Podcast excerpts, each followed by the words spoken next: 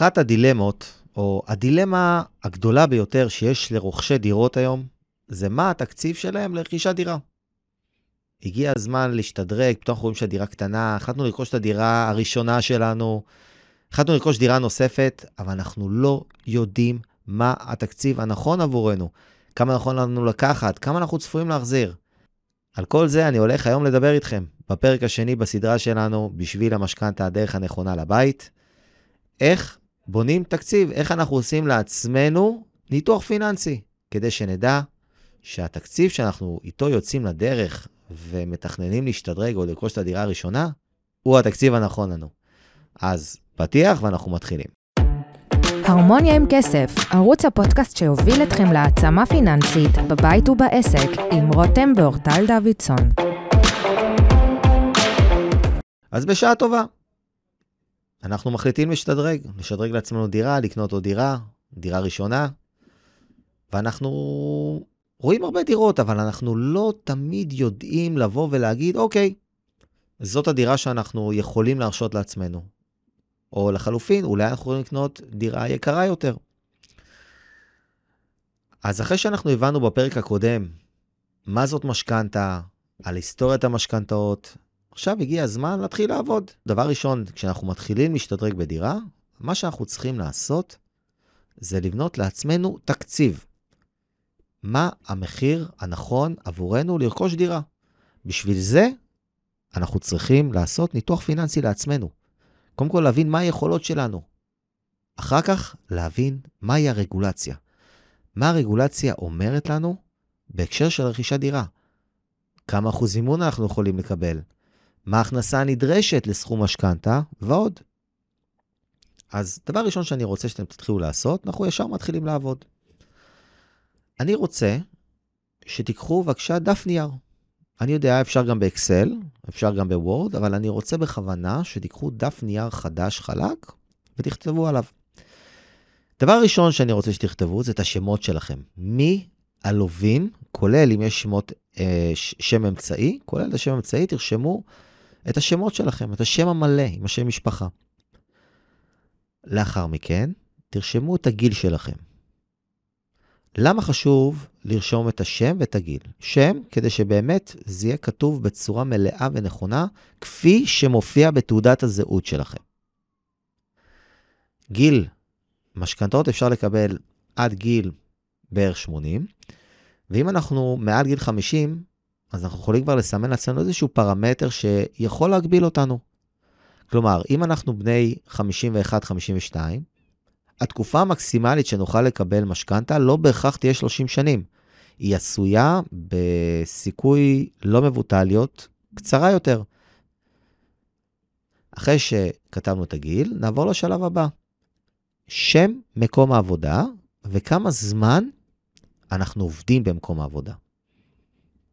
אם אנחנו שכירים, אוקיי? אנחנו נרשום שכירים, ונניח ועבדתם שלוש שנים, אז תרשמו שכירים שלוש שנים. זה גם, אגב, מה שתשאלו בבנק. אם אנחנו עצמאים, אנחנו נרשום עצמאים שלוש שנים. עכשיו בואו נפריד. אם אתם שכירים, ואתם עובדים מעל שנה, שנה וחצי במקום עבודה, אתם יכולים להסתפק בלרשום רק את שם המקום העבודה הזה. אוקיי? שם מקום עבודה וותק של שנה וחצי. אם אתם מתחת לשנה, אני מבקש מכם גם שתרשמו את שם מקום העבודה הקודם שבו עבדתם. וכמה השתכרתם. למה זה חשוב? כדי שבנק יוכל לראות שיש לכם רצף תעסוקתי. אם אתם עצמאים, מעל שנה וחצי, תרשמו בבקשה מה הייתה ההכנסה שלכם בשנה החולפת וכמה היא ברמה חודשית בשנה הנוכחית. מה שחשוב לגזור כאן זה את הממוצע בין השנים פחות או יותר. אם העסק שלכם הוא חדש יחסית, של חצי שנה, זה משהו שאתם חייבים להדגיש בפני הבנק, כי בחלק מהמקרים הבנק יכול שלא להכיר בהכנסה הזאת, ולכן חשוב מאוד לבוא ולהציג לבנק את הוותק, גם אם הוא מעל או מתחת לשנה וחצי. מה אפשר לעשות אם הוותק הוא חצי שנה ובכל זאת רוצים להכיר בהכנסה? אם יש לכם חוזים מול לקוחות, או אפשרות להראות שהעבודה שלכם קשורה לעבודה שהייתם בה כשכיר, זה יכול מאוד מאוד לעזור. אז אחרי שכתבנו את ההכנסה החודשית שלנו בתור שכירים, ואחרי שכתבנו את ההכנסה החודשית שלנו בתור עצמאים, הגיע הזמן לכתוב האם אנחנו צופים שיהיה לנו איזשהו גידול בהכנסה. עכשיו, למה זה חשוב? כי הרבה מאוד אנשים אומרים, אוקיי, אני כרגע מרוויח לצורך הדוגמה 10,000 שקלים. אבל אם יש גידול לכיוון ה-12 או 13 או 15 אלף שקלים, זה משהו שחשוב מאוד לקחת בחשבון כשנגיע לקראת סוף הפרק לתזרים החודשי שלנו. אותו דבר גם הפוך, אם אתם חוששים ממקום העבודה שתהיה ירידה בהכנסה, גם את זה לרשום, לרשום את זה בצד. באותו מעמד אנחנו נכתוב האם יש לנו קרן השתלמות. כרגע אני עוד לא מסתכל אם היא נזילה או לא, רק לציין שיש לנו קרן השתלמות ולהקיף את זה בעיגול. עכשיו אני מבקש מכם שתרדו פסקה למטה. בפסקה, אני רוצה שתרשמו כלכלת משפחה. אנחנו נרשום בכל... בסעיף כלכלת המשפחה, האם קיימת חריגה בחשבון הבנק נכון לרגע זה. לדוגמה, אם אתם עכשיו בחריגה של 10,000 שקלים, או במילים פשוטות, מינוס 10,000 שקלים, תרשמו את זה. אם זה משהו רגעי כתוצאה מאיזושהי הוצאה חד פעמית, תרשמו בצד הוצאה חד פעמית, ותרשמו את הסכום שאתם בדרך כלל נמצאים בו. זאת אומרת, אם רוב הזמן אתם במצב מאוזן, תרשמו 0. אם עכשיו אתם נמצאים באיזושהי חריגה וזה צפוי להישאר ככה, תרשמו את החריגה שיש לכם בכלכלת המשפחה. אם אתם באופן קבוע ותמידי בסוג של מינוס, אז תרשמו את גובה המינוס. לא להתבייש, זה הזמן שלכם לעשות לעצמכם ניתוח פיננסי אמיתי וכנה. שורה מתחת, אני מבקש שתרשמו האם קיימת לכם, האם קיימות לכם הלוואות, אוקיי? אתם צריכים לרשום סכום ההלוואה נכון להיום, לדוגמה, נותר לנו לשלם עוד 100,000 שקלים, כמה החזר חודשי יורד לכם, ולכמה חודשים. זאת אומרת, הלוואה של 100,000 שקלים, עם החזר של 2,000 שקלים בחודש, לעוד 60 תשלומים, לדוגמה, בסדר? למה זה חשוב? כל הלוואה שיש לכם שהיא מעל 18 חודשים, מקוזזת לכם מההכנסה החודשית. אנחנו תכף נגיע לאיך מחשבים את ההכנסה בצורה מדויקת, אבל זה חשוב בגלל הפרמטר הזה. שורה מתחת, אני רוצה שתרשמו האם חזרו לכם צ'קים, האם היה לכם בעיות אשראי בבנק, אוקיי? מי שחזרו לו צ'קים, אה, או לחלופין הוראות קבע, או כל היסטוריות אשראי שהייתה בעייתית, עיקולים, תכתבו את זה. אם לא, אז פשוט תעשו סלאש כזה, קו אה, תעשו פשוט אפס, לא היה. שורה מתחת, תכתבו כמה אתם חוסכים כל חודש. תרשמו מה החיסכון החודשי שיש לכם. בחשבון הבנק, לדוגמה, אתם חוסכים 4,000 שקלים בעובר ושב, תרשמו 4,000. אתם חוסכים הפק"ם 4,000 שקלים, תרשמו 4,000. אתם חוסכים בקופת גמל להשקעה, בכל מקום אחר שאתם חוסכים בו כסף, או שהתזרים החודשי שלכם הוא חיובי, תרשמו. למה זה חשוב לנו? מאחר ואנחנו רוצים לדעת בכמה תזרים עודף אנחנו נמצאים בכלכלת המשפחה. זה יעזור לנו להבין מה ההחזר החודשי הנכון עבורנו להלוואת המשכנתה. אז אחרי שקיבלנו את התמונה בכלכלת המשפחה, אנחנו יודעים פחות או יותר לבוא ולהגיד, אוקיי, אנחנו בחריגה באופן קבוע, אנחנו גומרים את החודש, אנחנו חוסכים אפילו, או שאנחנו בחריגה, שזאת גם אפשרות, ואלו כל ההלוואות שיש לנו. אנחנו נעבור לסעיף הבא, תא משפחתי. ובו אתם רושמים האם אתם נשואים או ידועים בציבור, או גרושים, או חלילה אלמנים, וכמה ילדים יש לכם. לדוגמה, נשואים פלוס שלושה ילדים. מה הגילאים של הילדים? לדוגמה, 8, 5 ו-3. למה זה חשוב? כי יכול להיות שכאן תהיה לנו איזושהי הוצאה כמו גן פרטי שצפויה מהר מאוד להסתיים, וזה משהו שיכול לבוא לטובתנו בתזרים החודשי. כלומר, תאפשר לנו להחזיר יותר לאורך השנים. במקביל, תרשמו האם אתם צופים או רוצים שיהיו לכם ילדים נוספים. גם כאן זה בדיוק עובד באותו כיוון, רק מבחינת הוצאות. אם אתם, לטובת העניין, מתכננים בקרוב מאוד להביא ילד, חשוב לקחת את זה בחשבון. כי ילד, מה לעשות, עולה כסף. כל חודש, עם כל האהבה וכל הדבר הטוב שזה מביא לחיים, יש לזה עלות. לאחר מכן, סעיף מתחת, אתם רושמים הון עצמי. כמה הון עצמי יש לכם נכון להיום. עכשיו, פה מאוד מאוד חשוב לרשום את התמונה הנכונה והמלאה. לדוגמה, יש לכם 400 אלף שקלים בעו"ש, אז אתם רושמים 400 אלף שקלים בעו"ש. אבל גם חשוב לפרט איך קיבלתם אותם. לדוגמה, 200 אלף שקלים עזרה מההורים, ו-200 אלף שקלים אתם חסכתם. אז תרשמו, 200 אלף שקלים הורים, 200 אלף שקלים חיסכון שוטף. למה זה חשוב? כי אתם יכולים גם לעלות על טעויות תוך כדי. אם לדוגמה אתם רושמים שאתם יכולים לחסוך 4,000 שקלים בחודש, וכל ה-400,000 שקלים שרשמתם כרגע הגיעו בכלל מההורים, אז למה עד היום לא חסכתם? זאת אומרת, יש פה איזושהי בעיה. לעומת זאת, אם אתם אומרים, אנחנו חוסכים 1,000 שקלים בחודש, וחסכנו עד היום 200,000 שקלים במשך חצי שנה, זה אומר שאתם חוסכים יותר ממה שאתם כתבתם. ולכן זה סוג של כאילו הצלבת נתונים, שאתם יכולים לבוא ולהגיד, אוקיי, עכשיו אני יודע שהנתונים שכתבתי נכונים. וככה להתקדם הלאה לשלב הבא. האם צפויות לכם ירושות? אוקיי? ירושות זה דברים, כספים שאתם יודעים בוודאות שאתם צופים לקבל. לא להגיד, אוקיי, אז עוד כמה שנים אני צופה שתהיה לי איזה ירושה. לא, אני לא מתכוון לזה. זה אומר שכסף שכבר אתם אוטוטו צריכים לקבל, ואפשר אולי לבוא ולשלב אותו אחר כך בתמהיל המשכנתה.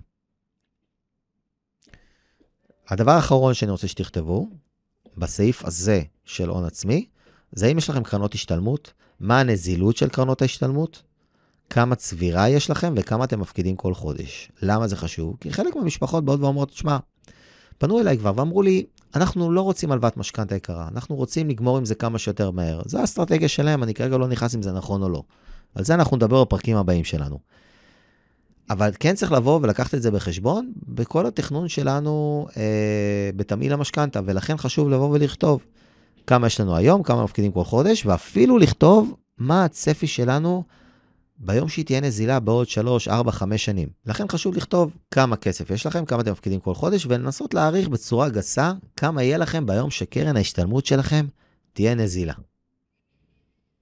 אחרון, סעיף אחרון אחרון שם למטה, אתם כותבים בתחתית העמוד, דיור. איפה אתם גרים היום? האם אתם גרים בשכירות? כמה שכירות אתם משלמים? או דירה בבעלותכם.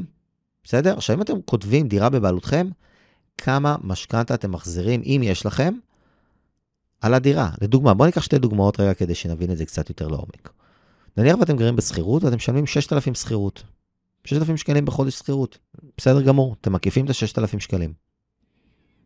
אם אתם גרים בדירה בבעלותכם ומחזירים 4,500 שקלים משכנתה, תרשמו 4,500 שקלים משכנתה ותקיפו את ה-4,500 שקלים משכנתה. ברגע שעשיתם את כל זה, תסתכלו רגע על הדף, יש לכם מפה לניתוח פיננסי ראשוני אפילו. למה? אתם יודעים כמה אתם חוסכים כל חודש, אתם יודעים כמה אתם מוצאים על דיור כל חודש, אתם יודעים מה הצפי לשינוי בהכנסות, אה, מתי יהיה לכם כסף נזיל בקרן השתלמות, ככה תוכלו פחות או יותר לגדר סיכונים, זו תמונה שיכולה לתת לכם הרבה מאוד מידע. עכשיו, לטובת העניין, טובת הדוגמה פה, למי ששומע, בוא נניח שזוג שכרגע מילא את הטופס כמו שאני ביקשתי, מצא שבכלכלת המשפחה שלו יש לו תזרים חיובי של 4,000 שקלים, ובנוסף הוא משלם שכירות של 6,000 שקלים. מה זה אומר? זה אומר שבתזרים החודשי שלו יש לו אפשרות להחזיר עד 10,000 שקלים כל חודש משכנתה. 4,000 שהוא חוסך היום, ועוד 6,000 שקלים על שכירות שהוא משלם. אני לא אומר שזה המספר הנכון, אני לא אומר שזה מה שצריך באמת לקחת, אני רק אומר שזה המקסימלי. ועם זה אנחנו רוצים הלאה להמשך הדוגמה שלנו. כעת בואו נתחיל לדבר על העסקה. אוקיי? מה שאני מבקש מכם זה להפוך את הדף. קחו דף נוסף ותרשמו פרטי עסקה. בואו כרגע נצא מנקודת הנחה שנרכש נכס יד שנייה או קבלן, זה לא באמת משנה. אנחנו נרשום את מחיר הנכס, לדוגמה, דירה שעולה 2 מיליון שקלים, אנחנו נרשום מחיר נכס 2 מיליון שקלים. מתחת לזה, אנחנו נרשום כמה הון נזיל יש לנו. אם בדוגמה הקודמת אמרנו יש לנו 400,000 שקלים, אנחנו נכתוב 400,000 שקלים. בסדר? ולאחר מכן, אנחנו נכתוב מה ההחזר החודשי המקסימלי שאנחנו יכולים, שזה אותם 10,000 שקלים שלקחנו כדוגמה. אז מה יש לנו? מחיר דירה 2 מיליון שקלים, הון עצמי 400,000, והחזר חודשי 10,000 שקלים. אני יוצא מנקודת הנחה שכרגע אין לכם נכס. אז מה הסכום המקסימלי? אתם צריכים לבוא וכרגע לקחת איזה שהם כללי אצבע ולהגיד, אוקיי, כעת בואו נתחיל לדבר קצת על רגולציה. מה הרגולציה אומרת? נכס שאתם רוכשים, נכס ראשון, אוקיי? כי הדוגמה כרגע מתייחסת לנכס ראשון, אתם יכולים לקבל עד 75% מימון. כלומר, דירה של 2 מיליון שקלים, תוכלו לקבל במקסימום משכנתה של מיליון וחצי, זה אומר שבדוגמה שלקחנו, יכול להיות קושי. זאת אומרת, תצטרכו להביא עוד 100 אלף שקלים לפחות. זה עוד לפני הוצאות שיש מסביב.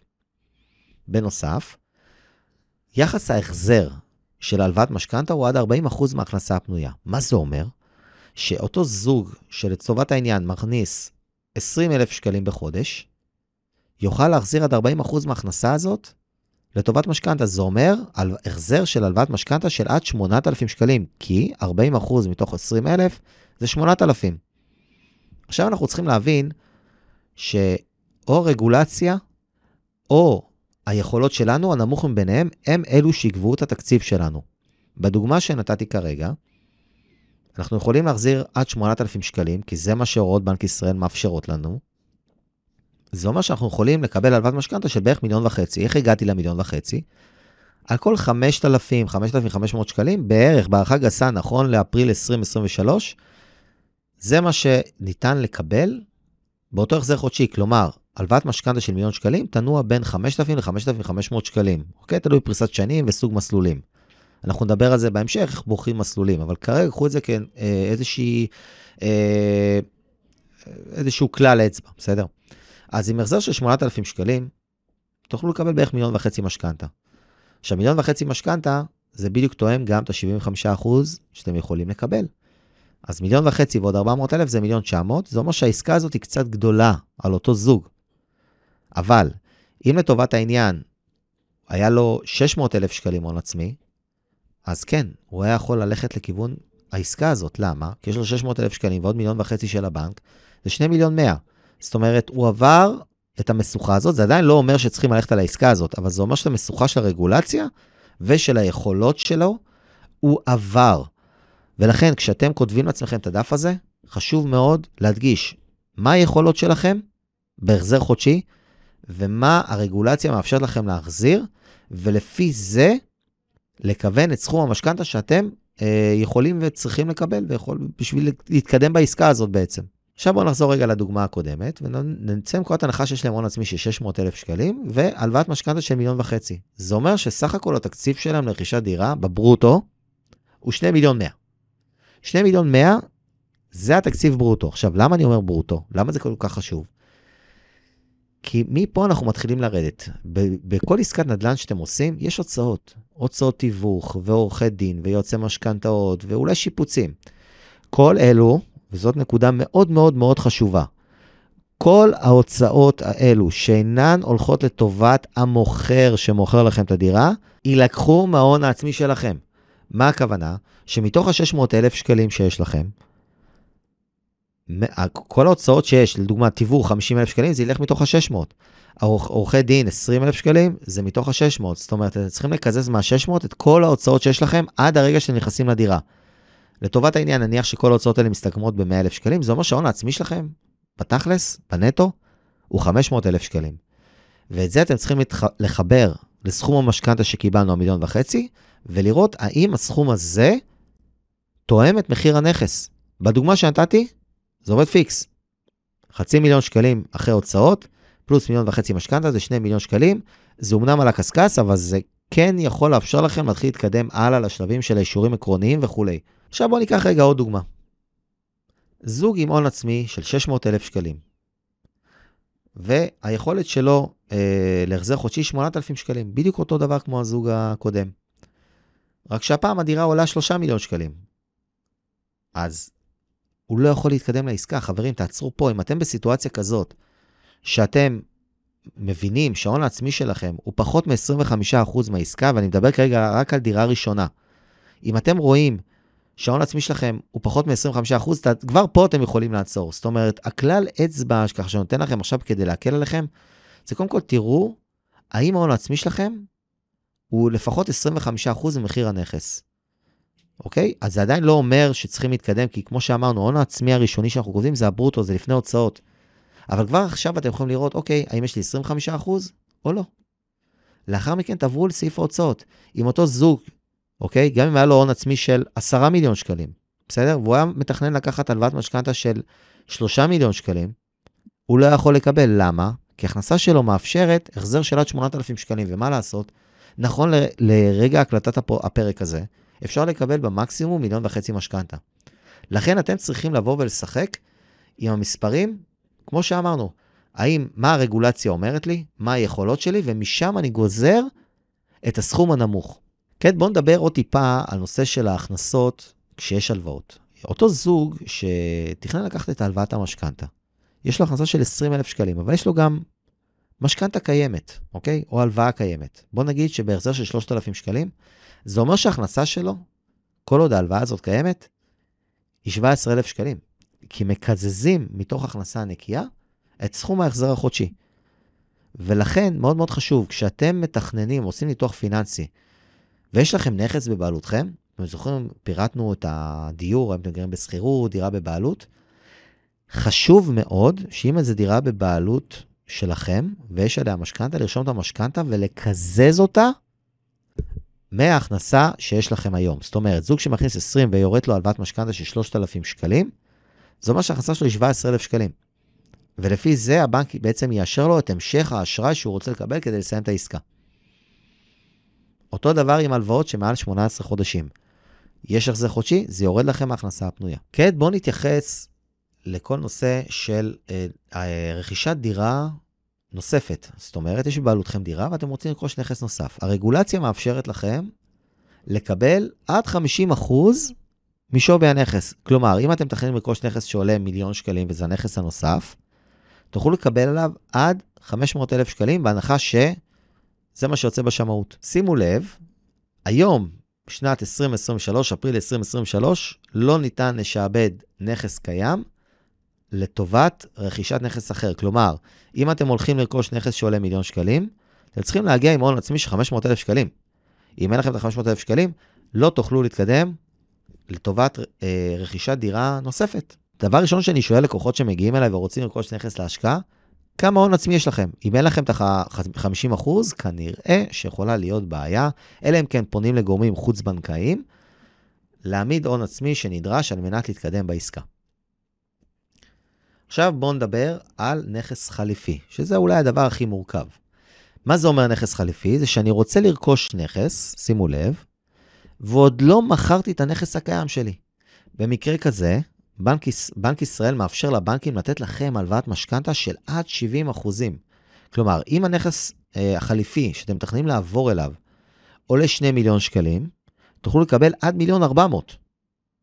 מיליון 400 זה האילוץ שלכם, לא 75 אחוז, 70 אחוז. את ה-30 אחוז אתם תצטרכו בעצם להביא בעצמכם. עכשיו, כאן זה מתחיל כבר להיות הרבה יותר מעניין.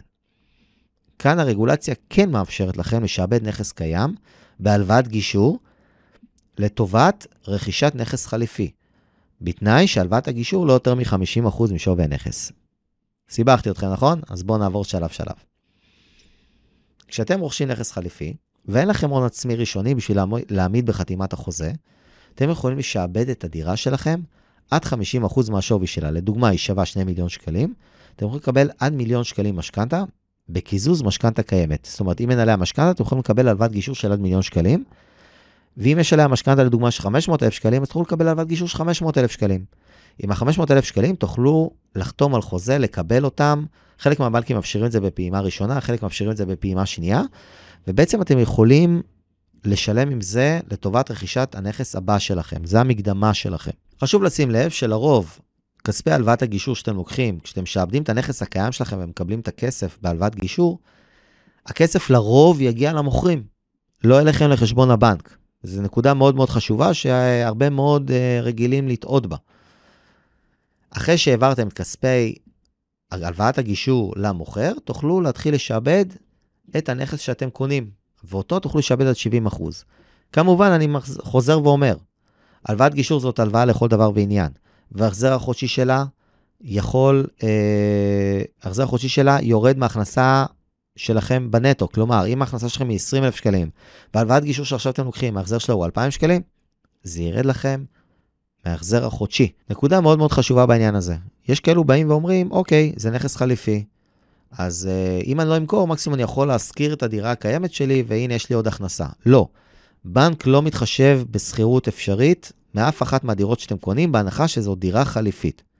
לעומת זאת, אם אתם רוכשים נכס נוסף, ואתם מתכננים להשכיר אותו, אז כן, השכירות מהנכס הנוסף שאתם רוכשים, זה כן ישתכלל בתוך ההכנסה החודשית שלכם. כלומר, אותו זוג שמכניס 20, והנכס שהוא רוכש, השמאי שמגיע מטעם הבנק, מעריך שאפשר לקבל שכירות של 3,000 או 4,000 שקלים אפילו על הנכס הזה, זה, זה בעצם יתווסף להכנסה הפנויה שלכם. וזאת נקודה מאוד מאוד חשובה שיכולה בעצם להיות ההבדל בין משכנתה שמאושרת למשכנתה שלא מאושרת.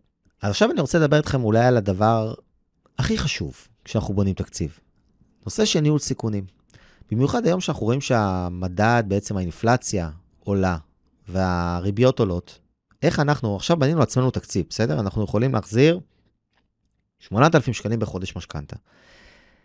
אבל איך אנחנו בעצם יודעים לגדר את עצמנו פחות או יותר ולהעריך שבאמת זה הסכום הנכון ומה קורה במצב שריביות עולות וכולי. אז אתם, שאתם משקללים בעצם, שאתם מקבלים היום הצעות מהבנקים, אוקיי? שאתם הולכים, יוצאים מנקודת הנחה שתקבלו ריבית מסוימת, לדוגמה סתם, אה, פריים מינוס חצי, אוקיי? היום זה עומד על חמישה וחצי אחוז. תשקללו כאילו הפריים עכשיו עולה בעוד אחוז, אוקיי? כל הריביות שאתם קיבלתם, צאו מנקודת הנחה שהן יכולות לעלות, חוץ מהריביות הקבועות. שמדד יכול לעלות ב-4-5 אחוז, ותראו מה זה עושה להחזר החודשי. זה יעלה לכם את ההחזר החודשי בכמה מאות שקלים בקלות. ולכן חשוב מאוד לשים על זה את הדגש ולשים לב שאם הגדרתם לעצמכם החזר של 8,000 שקלים, וההחזר הראשוני שלכם במשכנתה כבר עכשיו הוא 8,000 שקלים, נסו לראות איך אתם יכולים להתכונן למצב שההחזר יעלה ל-8.5, אולי אפילו 9. ואם אתם רואים שזה לא מתאפשר לכם, אז תורידו קצת, תורידו את הרגל מהגז. תלכו להחזר חודשי שכיוון ה-7,000-7,500 שקלים. כאן חשוב לשים לב, אם אתם זוכרים, בתחילת הפרק דיברנו על לכתוב מה השינוי בהכנסות, או האם יש ילדים שצפויים לסיים גן עירייה וכולי וכולי, שיכולים להקל עליכם ולשחרר לכם עוד קצת תזרים חודשי, ויכול לתת לכם איזשהו מקדם ביטחון. במידה ואתם בכיוון הפוך, שאתם צופים שההוצאות שלכם יעלו שההכנסות שלכם ירדו, חשוב מאוד לגלם את זה כבר בשלב הזה. זאת אומרת, אם היום אתם יכולים להחזיר 8,000 שקלים, אבל אתם חוששים שבקרוב מאוד ההכנסה שלכם תרד, כי העסק צפוי אה, לעבור קשיים, או שאתם צופים שיהיו לכם עוד ילדים, וכתוצאה מזה תרצו להשקיע את המשאבים הכספיים שלכם בזה, אז צאו מנקודת הנחה שזה כבר קורה מ-day one, ושלא יגיע מצב שאתם, אוקיי, לקחנו הלוואת משכנתה, 8,000 שקלים, ופתאום אנחנו מגלים שזה, וואלה, מה זה גדול עלינו? עכשיו, כאן חשוב לבוא ממקום קצת יותר מרגיע. ותמיד תזכרו, רכשתם דירה, גם אם עשיתם את התהליך בצורה אולי לא מושלמת, ועשיתם טעות לאורך הדרך, תמיד אפשר להחזיר את הגלגל אחורה. דירה היא נכס שהוא נזיל, זאת אומרת, אתם יכולים למכור את הדירה, אוקיי? אה, זה לא שאין פה איזה הפסד כספי, יש פה הפסד כספי, בואו לא נבלבל. זוג שנכנס ללופ של הלוואות ולוקח עוד הלוואה ועוד הלוואה ועוד הלוואה, או חלילה מפר תשלומים, זה יכול להכניס אותם לבלגן רציני. אבל מצד שני, אם אנחנו מתנהלים בצורה אחראית ואנחנו רואים לאורך הדרך שדברים לא קרו כמו שאנחנו רוצים, אלא לכיוון הפוך, תמיד אתם יכולים לבוא ולמכור את הנכס ולקנות נכס יותר זול, או הפוך, פתאום אתם מגלים שוואלה, קניתם דירה זולה מדי, במקום ארבעה חדרים, חמישה חדרים. תמיד אתם יכולים למכור ולעבור לדירה הבאה ולהשתדרג. אני יכול להגיד לכם שאני יצא לי ללוות מאות אם לא אלפי משפחות, יותר מפעם אחת. הם חזרו אליו ואמרו לי, תשמע, צדקת, המצב שלנו השתפר, בוא נשדרג את הדירה, או לחלופין, אמרת לנו, תשמע, התקציב קצת גדול מדי, לא הקשבנו לך, אז בוא עכשיו נמכור את הדירה ונקנה משהו באזור קצת יותר זול, או דירה יותר קטנה. אז לכן, החשש הזה, לא אומר שהוא לא קיים, לא אומר שצריך להתעלם ממנו, אבל צריך לקחת אותו בחשבון ולהתמודד איתו בצורה הנכונה. עוד דבר בניהול סיכונים זה כל נושא של תא משפחתי, שחשוב לשים על זה עוד קצת דגש. כשאנחנו מביאים, מתכננים להביא ילדים, רוב האנשים אומרים, טוב, אנחנו נסתדר, הילד ההוא יצא מה, מה, מהגן, הוא ייכנס לגן. חברים, זה לא תמיד עובד ככה. וילדים, אין מה לעשות, כמו שאמרתי מקודם, זאת הוצאה, זאת הוצאה שחייבים לשלם אותה, וחייבים להתייחס לזה בכובד ראש. כשאתם מונים תקציב, אם אתם מתכננים להתרחב בתא המשפחתי שלכם, אתם חייבים לקחת את זה בחשבון. כלומר, זאת נקודת אל-חזור, אוקיי? ופה אין מקום לטעויות. ולכן כל הנושא הזה של הניהול סיכונים בעיניי הוא אחד הדברים הכי קריטיים והכי משמעותיים כשאנחנו בונים לעצמנו תקציב ועושים לעצמנו איזשהו סוג של ניתוח פיננסי. כעת בואו נדבר על נושא של אה, הוצאות ברכישה, אוקיי? חשוב מאוד לשים לב שבכל מהלך של רכישה שלכם הוצאות שבכלל לא קשורות לדירה עצמה, אלא למעבר הדירה. לדוגמה, מס רכישה, אוקיי? תיכנסו למחשבון של רשות המיסים, תראו מס רכישה בדיוק איך הוא מחושב וכמה אתם צריכים לשלם.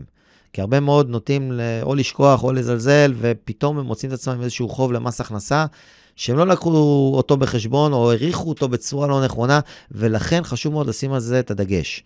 כל נושא של תיווך, מתי אתם צפויים לשלם ומאיזה כספים. כמו שאמרנו, זה לא יכול להיות מכספי משכנתה. גם מס רכישה לא יכול להיות מכספי משכנתה. כל ההוצאות שאני אומר לכם בכלל, עכשיו, לא יכול להיות מכספי משכנתה.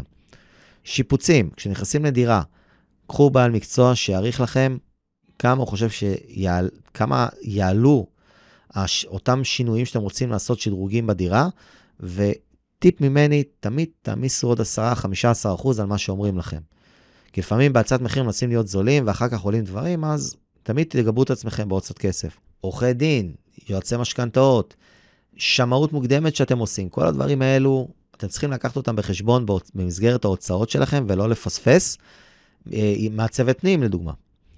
אה, זה בנושא של הוצאות, וכמו שאמרתי, אני אחזור על זה פעם נוספת, להוריד את זה מההון העצמי שלך. עכשיו בואו נדבר על אה, כספי ירושה, כספים עתידיים, בואו נקרא לזה ככה, שאתם צפויים לקבל.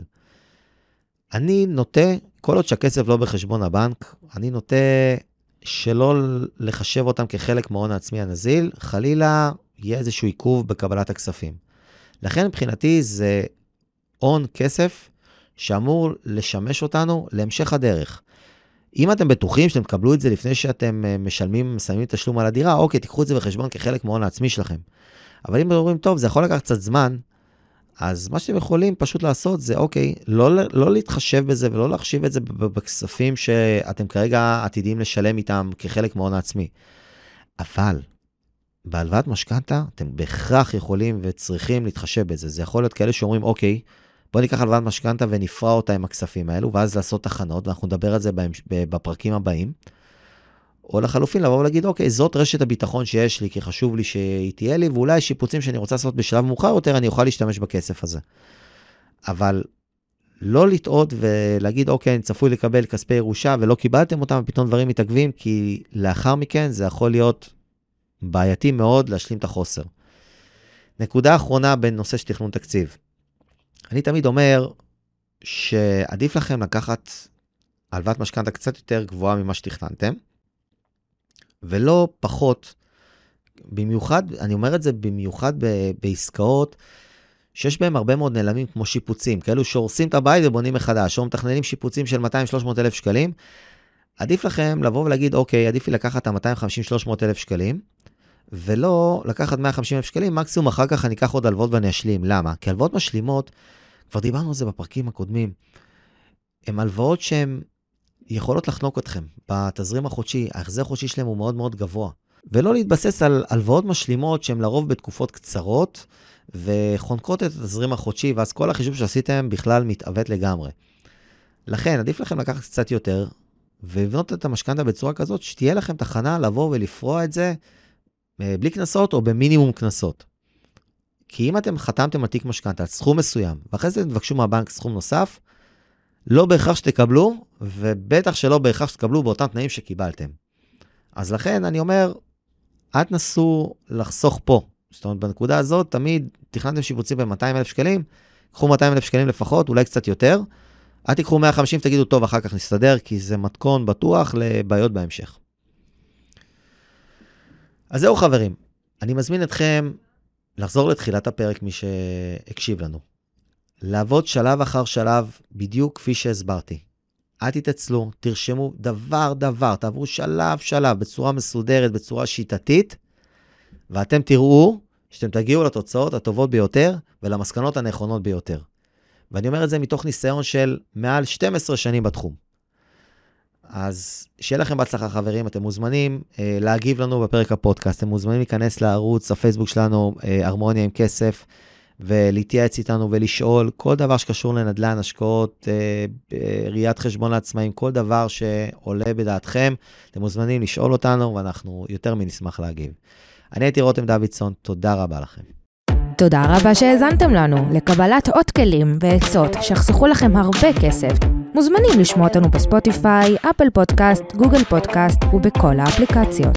אפשר גם לבקר אותנו באתר שלנו דוידסון LTD, בקבוצת הפייסבוק הרמוניה עם כסף, בעמוד הפייסבוק שלנו, וערוץ היוטיוב דוידסון פתרונות פיננסיים. נשמח שתגיבו ותכתבו לנו.